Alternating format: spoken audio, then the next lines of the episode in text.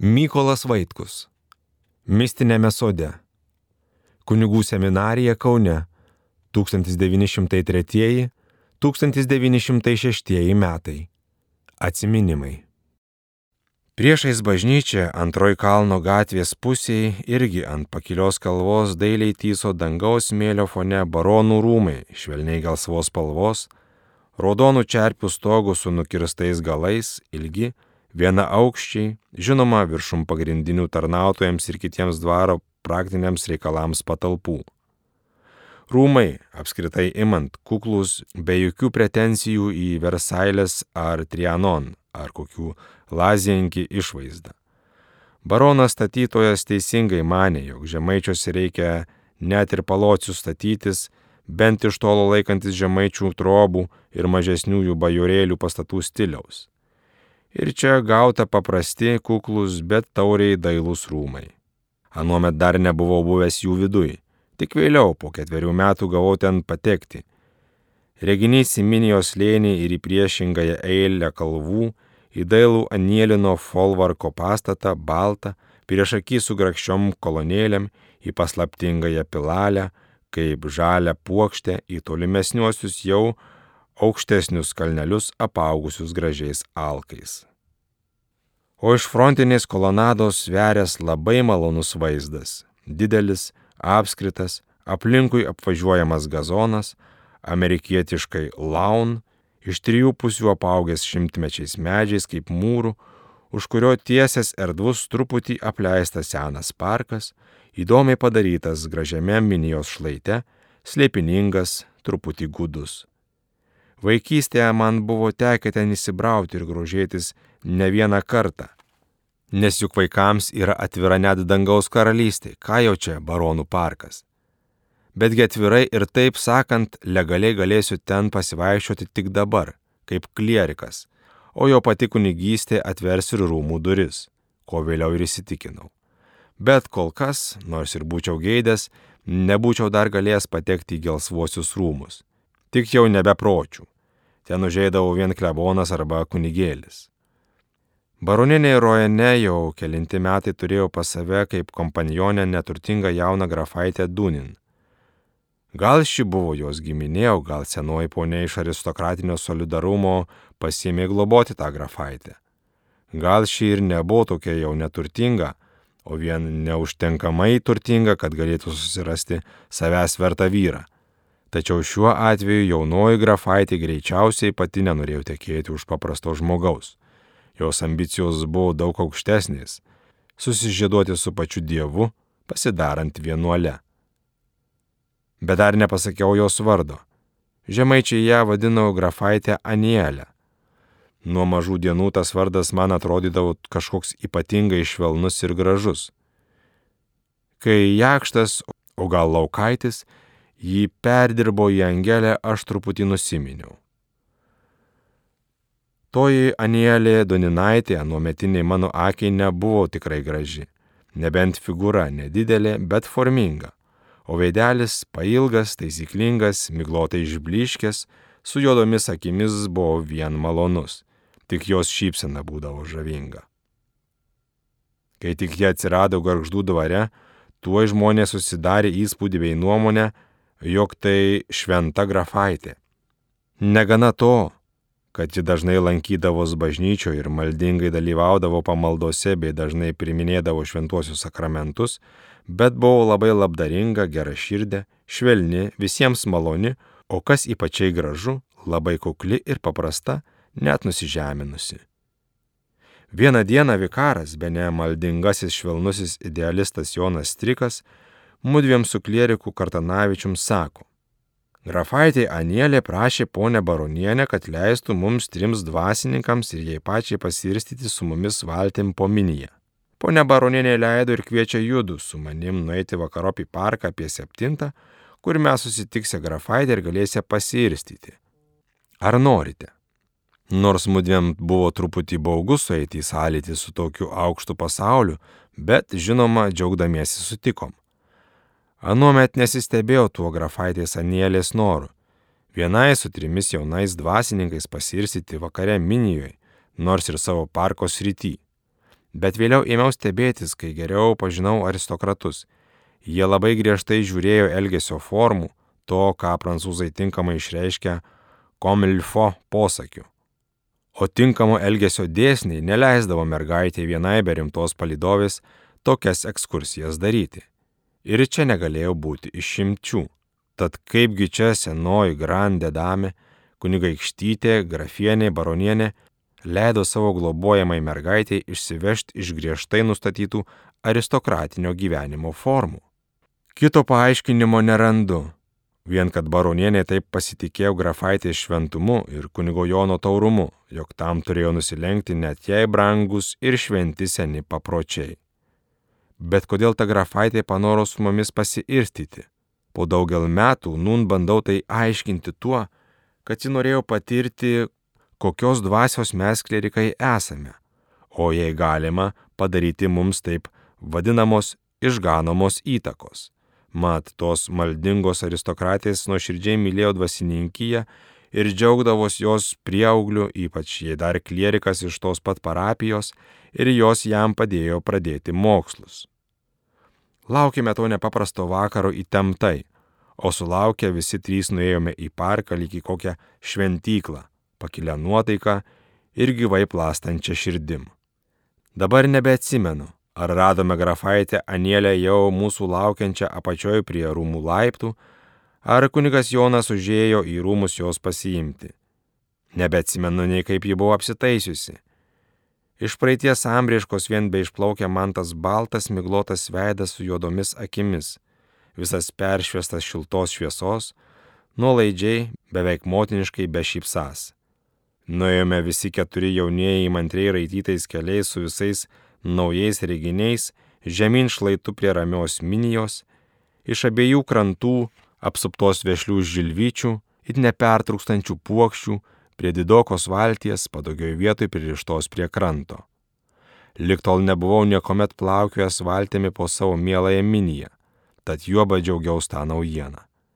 Gana patogiai susėdome į išdykaujančią valtį, kuris vyravo kaip girta, kai tik atsistodavai ar žingsnį žengdavai. Grafaitai užleidome, žinoma, vienai pačiai patogiąją vietą. Prie irklų sėdos bene kunigas Vikaras, prie vairo turbūt klierikas Kartanavičius. Aš nebeatsimenu, bet turėjau kokią kitą funkciją, vien žiūrėti ir klausytis. O ir žiūrėti, ir klausytis buvo ko. Naktis buvo nuostabiai rami ir tyli, lakštingalos jau nebegėdojo, ir kiti paukščiai vos tik kartais kur atsiliepdavo. Sėdint valtį buvo matyti vien žaluma ir žaluma, kalneliuose ir krantuose kas kart besidaranti tamsesnė. O viršum galvų vien tyra tamsi mėlynė, kuriai besigrožėdamas šypsojo mėnulis ir, tartum išgėrėsio virpėdamos, bliksėjo žvaigždės. Ir stėmės lietai, nes nebuvo ko skubėti. Iš pradžių tylėjome, nes siela buvo kupina grožio. Retkarčiais dalyjomis trumpomis pastabomis, koks šitas krūmas gražus, kokie ten medžiai gūdus, koks tas vanduo tamsiai gilus, kokios tos žvaigždės neramios, tartum dreba.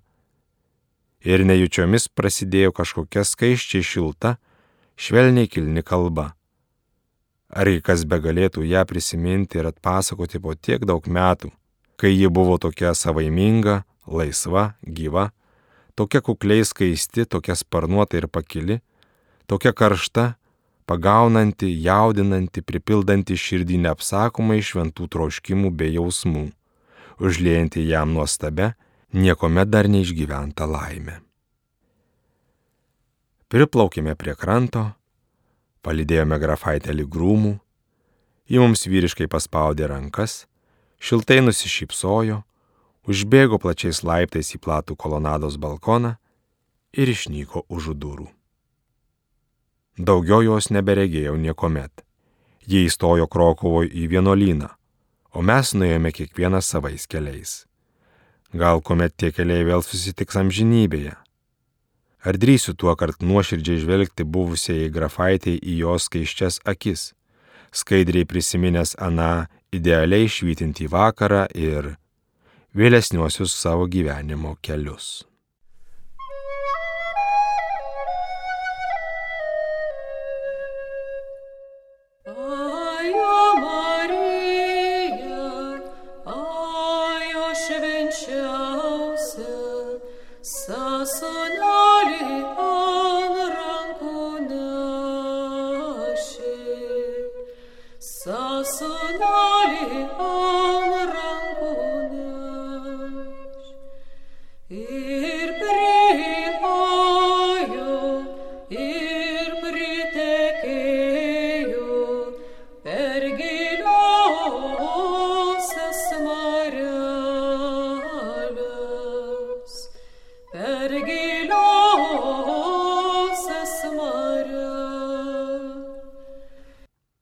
Žingsnis į antrus seminarijos metus. Ar atsimenat, kaip greitai prabėga atostogos? Bet vien kart turbūt tragedijos iš to nedarydavot. Tiesa, turbūt įlyg skauda, kad štai jau baigęs atilsis bei laisvė ir kad tenka vėl išsiskirti su brangiaisiais. Tačiau, antra vertus, jau esi lyg pasilgę savo almos bei draugų. Tokių jausmų supamas grįžau į seminariją. Buvo įdomu, kokį šiemet kambarį gausiu. O gal teks su kuo kitu gyventi? Ir tai bus įdomu pasiklausyti naujų profesorių bei naujų dėstomųjų dalykų. Švento rašto, moralinės bei dogminės teologijos ir kanonų teisės - čia jau rimti dalykai ir nelengvi. O profesoriai? Moralinės rektorius Karosas, dogminės profesorius Liaus, kanonų profesorius Žongolovič, švento rašto profesorius Kviriackas. Skubiai apsisveikinus su draugais reikia bėgti pas prefektą, juk jis skirsto kambarius bei draugus, taip sakant, yra tikra mažoji apvaizdėlė. Truputį tikėjaus, kad ir šiemet duos man atskirą kambarį. Nuėjau, pasakiau, ko atėjęs, jis žvilgterėjo į savo sąrašus ir pranešė, kad aš gyvensęs rūmose, kur šalia seminarijos bažnyčios ir ne vienas, o su klieriku Vladu Jurgučiu. Truputį nuknabinau jaunąją durnąją noselę. Tiesa, prieš Jurgutį nieko neturėjau. Buvau apie jį girdėjęs gražių dalykų, bet dviese nedideliam kambarėlį jaučiausi lyg nuskriaustas. Dabar suprantu, juk 1904 m. rudenį į seminariją įstojo rekordinis skaičius - 65 klierikai. O kur tiek daug vyrukų patalpinsi, jei imsi dalyti atskiriems po kambarį? Mums seniesiems buvo labai įdomu, kas tokie tie naujieji ir ar nėra jų tarpe pažįstamų. Kai kuriuos naujokus paminėsiu, tokį avižonį Juozą, Šiaulių gimnazijos abiturientą, pagarsėjusio liberalų daktaro avižonio brolį, kuris kunigų nepasidarė, o buvo vėliau žinomas pedagogas bei knygų vertėjas. Tokį abiturientą Kaškevičių, išprusinta bajoriška išvaizda, kuris greit irgi išstojo ir vėliau apie jį nieko nebeteko girdėti. Tokį Lubitską praną, glotnų jaunuolį, kuris į kunigus neišėjo, o Peterburgė ėmė rašinėti apie teatrą, po kuriuos ten rusų laikraštėlius pasirašinėdamas pravdinu. Nepriklausomoje Lietuvoje jis buvo mūsų kariuomeniai karininku ir vienkart daug rašinėjo oficiozuose išpūstų stiliumi apie teatrą, rusiškų laikraščių įprastinę frazeologiją. Publika jo rašiniais džiaugiasi, o aš skaitydamas nenorom šypsodavaus. Jis yra jau miręs. Dar paminėsiu tokį lapį Justiną, būsimą Šiaulių šventojo Jurgio kleboną, puikų vyruką. Tokį Montvilą, apskritą veidį rožinį blondiną, kuris pabuvęs kiek kunigų 1910 metais vyko į Ameriką Titaniko laivu ir nuskendo draugė su dar kitu to pat kurso draugu kunigu ir daugumų keleivių. Tokį penkauską praną, jaunutį gražutį, linksmutį, kur paskiau išėjo dvasinę akademiją, pasidarė seminarijos bei universiteto profesorium, Kauno seminarijos rektorium, prelatu ir arkidiecezijos dvasinio teismo oficiolų, o paskui Austrijoje mirė tremtiniu 1950 metais gruodžio antrąją dieną. Toliau prisimenu dar vieną, būtent Paknį Juozą. Abiturientą, tokį kiekį kuprą susimetusi, išbliškusi, akiniuotą geltonplaukį, susimašiusiom akim, tylų jaunuolį, kur neilgai tai išbuvau seminarijoje, baigė universitetą ir nepriklausomoje Lietuvoje pasižymėjo tuo, kad ilgai sėkmingai darbavos Lietuvos bankė kaip vienas iš direktorių, o galop ir vyriausiojų valdytojų. Nagi be maž būčiau praleidęs nepaminėtą Aleksandrą Stulginskį, būsimai Lietuvos prezidentą. Bet anuomet niekam nei galva nebūtų atėję, kad jis gyvenime taip iškils. Toks buvo murka, kuklus, tylus, niekur nelendas į priekį, geras klierikas, solidžiai besimokas, bet ypatingai neblizgas. Kaip čia nepaminėsi dar dviejų klierikėlių - Uselių, Juozo ir Prano. Jei būtų tai mergaitės, kiekvienas juos pavadintų dvi gėlės. Ne, geriau du karalaičiai. Abu blondinai, tik Juozas raudonveidis, o Pranas baltaveidis. Juozas Šelmis bernelis, Praniukas, Šventasis Aloizas, žinoma, kol kas be tos Š raidės prieš vardą. Juodu neišėjo į kunigus. Juozas dėl konkuliuojančio kraujo, Pranas dėl nesveikatos. Juozas išdūmė kažkur į platų pasaulį, o gal jis šelmis dabar yra kur nors čia jungtinėse ir, ir duos man garo. Praniukas pasidarė vaistininku, bet vaistai jam nepadėjo išsisukti nuo mirties. Mielasis mano draugužis mirė džiova be ne pirmojo pasaulinio karo metu ir turbūt savo žemaitiškame judrėnų parapijos kaime. Jis viename savo laiške parašė lautinišką sakinį, kurio neužmirštu. Kontravim mortis non est medicamentum in hortis. Kasdien maldoje miniu tą gražią sielą. Beje, kaip žmogus pamirštum Jurgį Žilinską, Liepojiškį gimnazistą, būsimą į Vytauto didžiojo universiteto profesorių, studentų baubą, nes daug iš jų reikalaujantį medicinos egzaminuose vedusi panevežiškę gražuolę Ksaverą Frankaitę, dainininkę ir odontologę.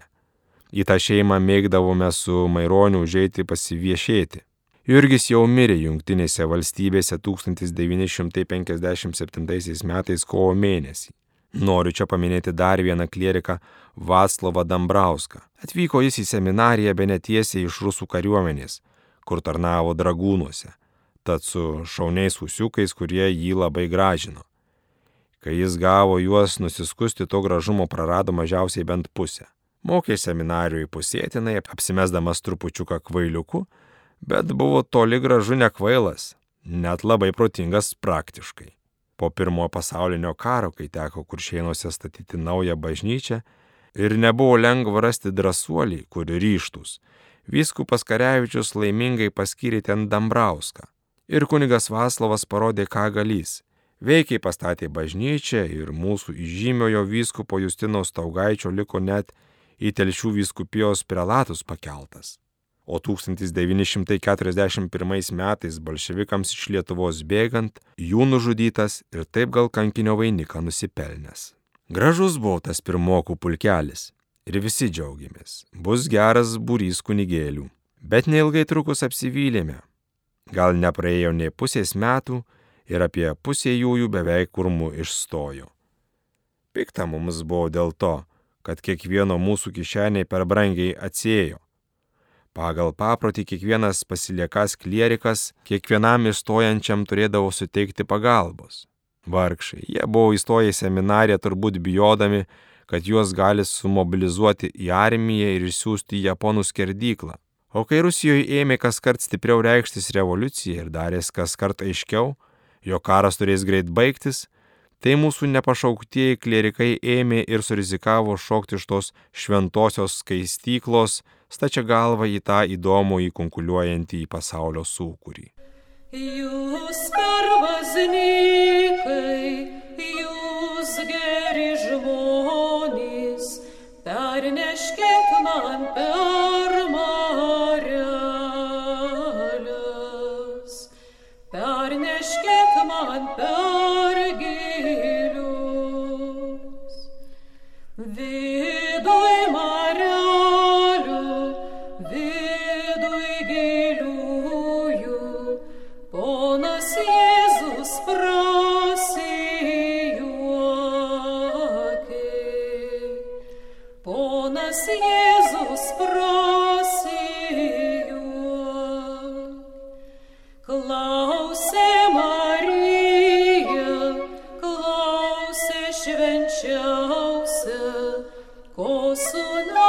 мой прав.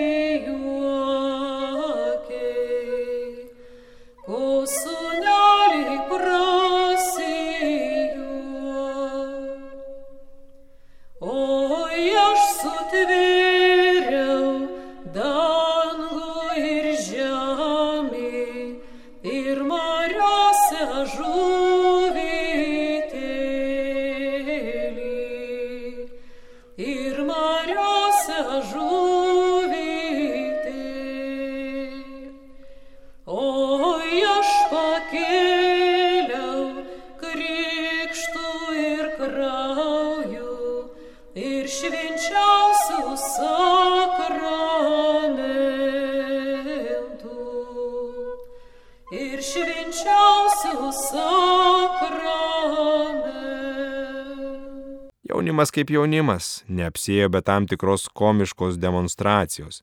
Vienkart didokas būrys nuėjo pas gerbiamą rektorių ir jų vadas mandagiai pareiškė, spėju taip, magnificencija.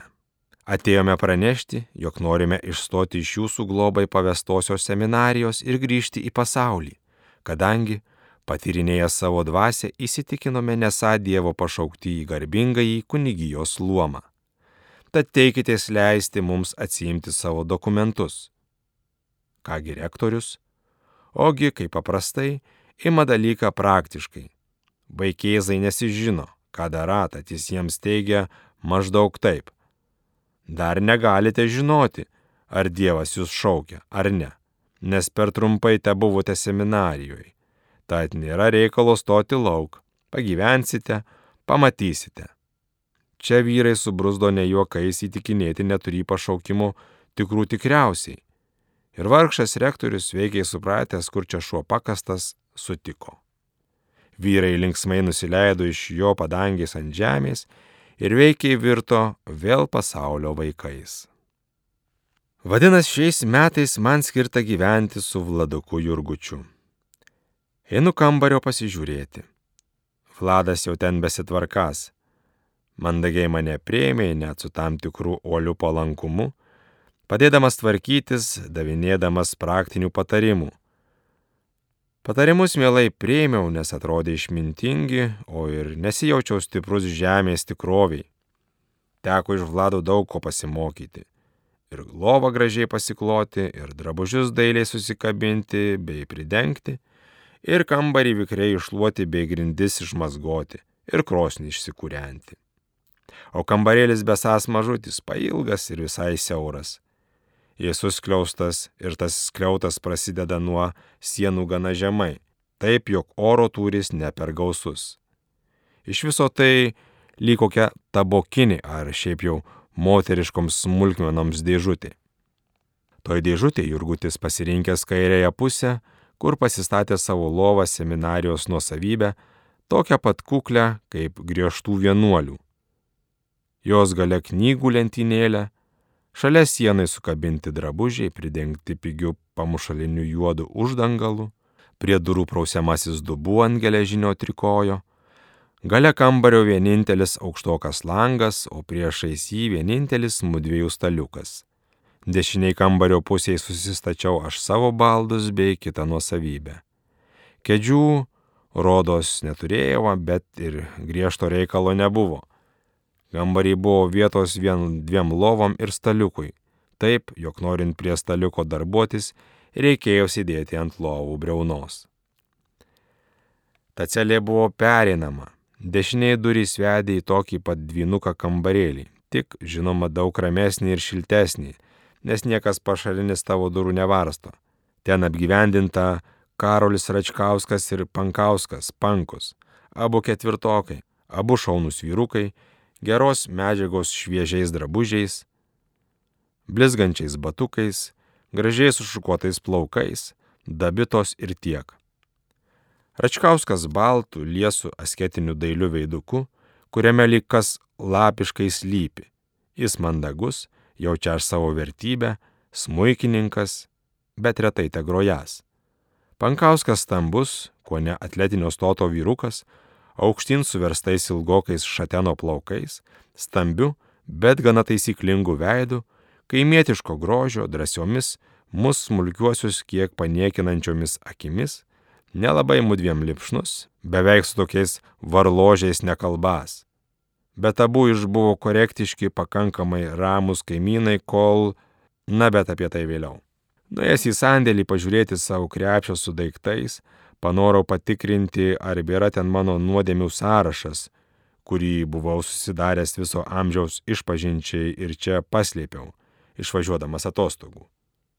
Jau jo nebesa, Matyt, Kriškijono vyrai čia sėkmingai pasidarbavo.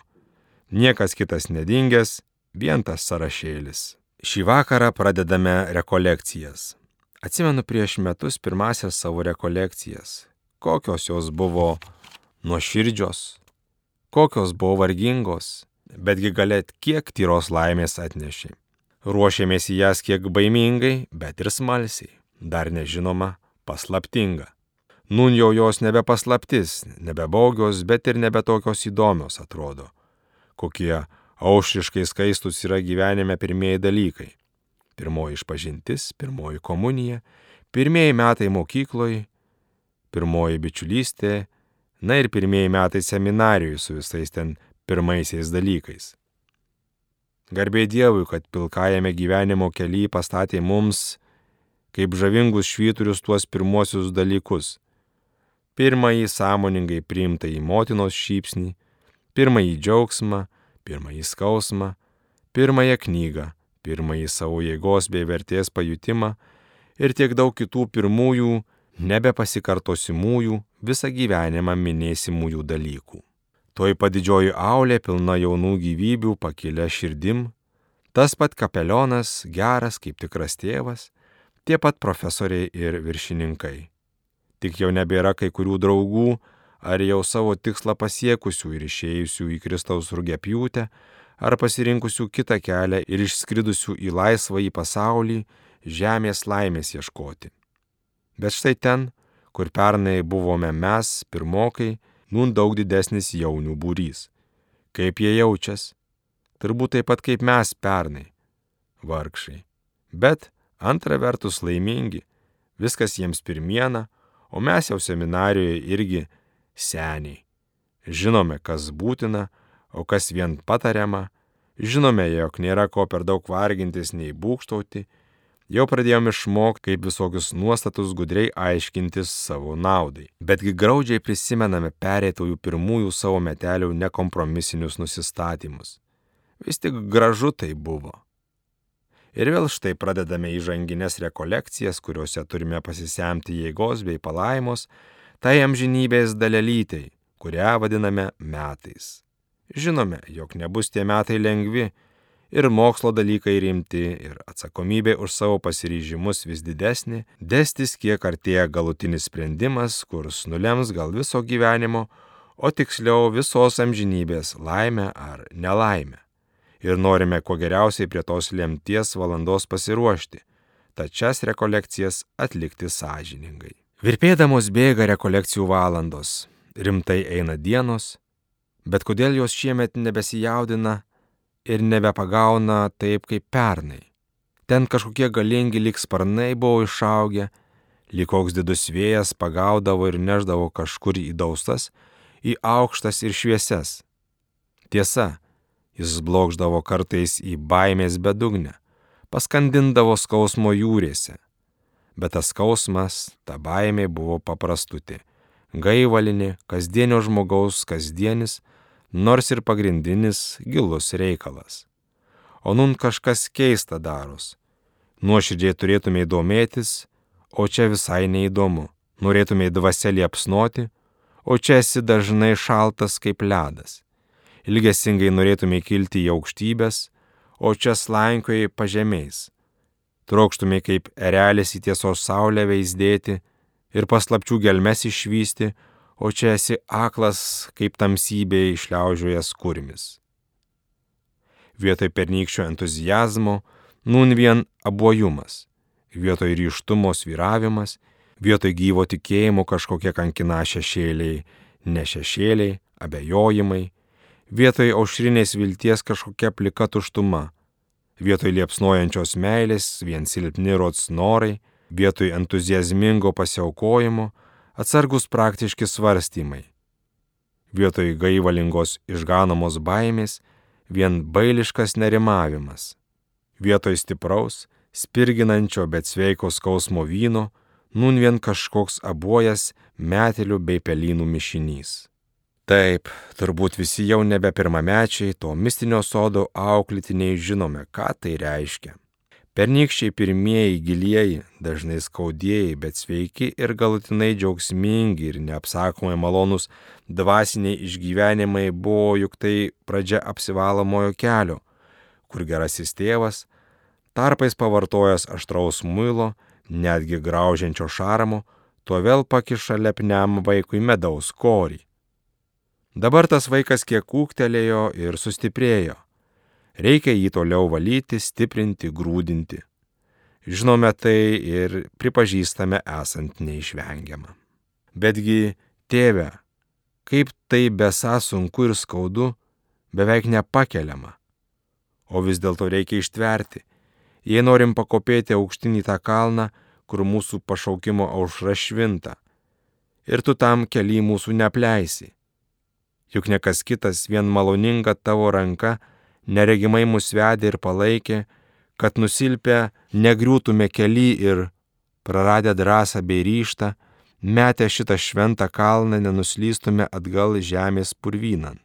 Tad ir toliau mūsų neapleisi ir išvesi iš žemybių į tavo viršūnės, iš tamsos į skaiščią šviesybę. Todėl, sukandę dantis, užmerkę akis, tavo vedami žengsime priekin, vis priekin ir tegu audros siaučia, tegu priešas dūksta, tegu sopuliai širdį raižo, mes tavim pasitikime ir paskui tave eisim. Žinoma, esame silpni kūdikiai ir leista mums draug su tavo sunum alyvų darželį pasiskūsti. Tėve, jei galima, atimk nuo mūsų tąją taurę, betgi ne mūsų valia tegu įvyksta tik tavo ką spręsi, priimame. Tegu ta geroji, apvalomoji kančia trunka savaitės, mėnesius, metų metus. Pagarbiai ir mielai nusilenkiame ir priimame, ką esi mums lėmęs.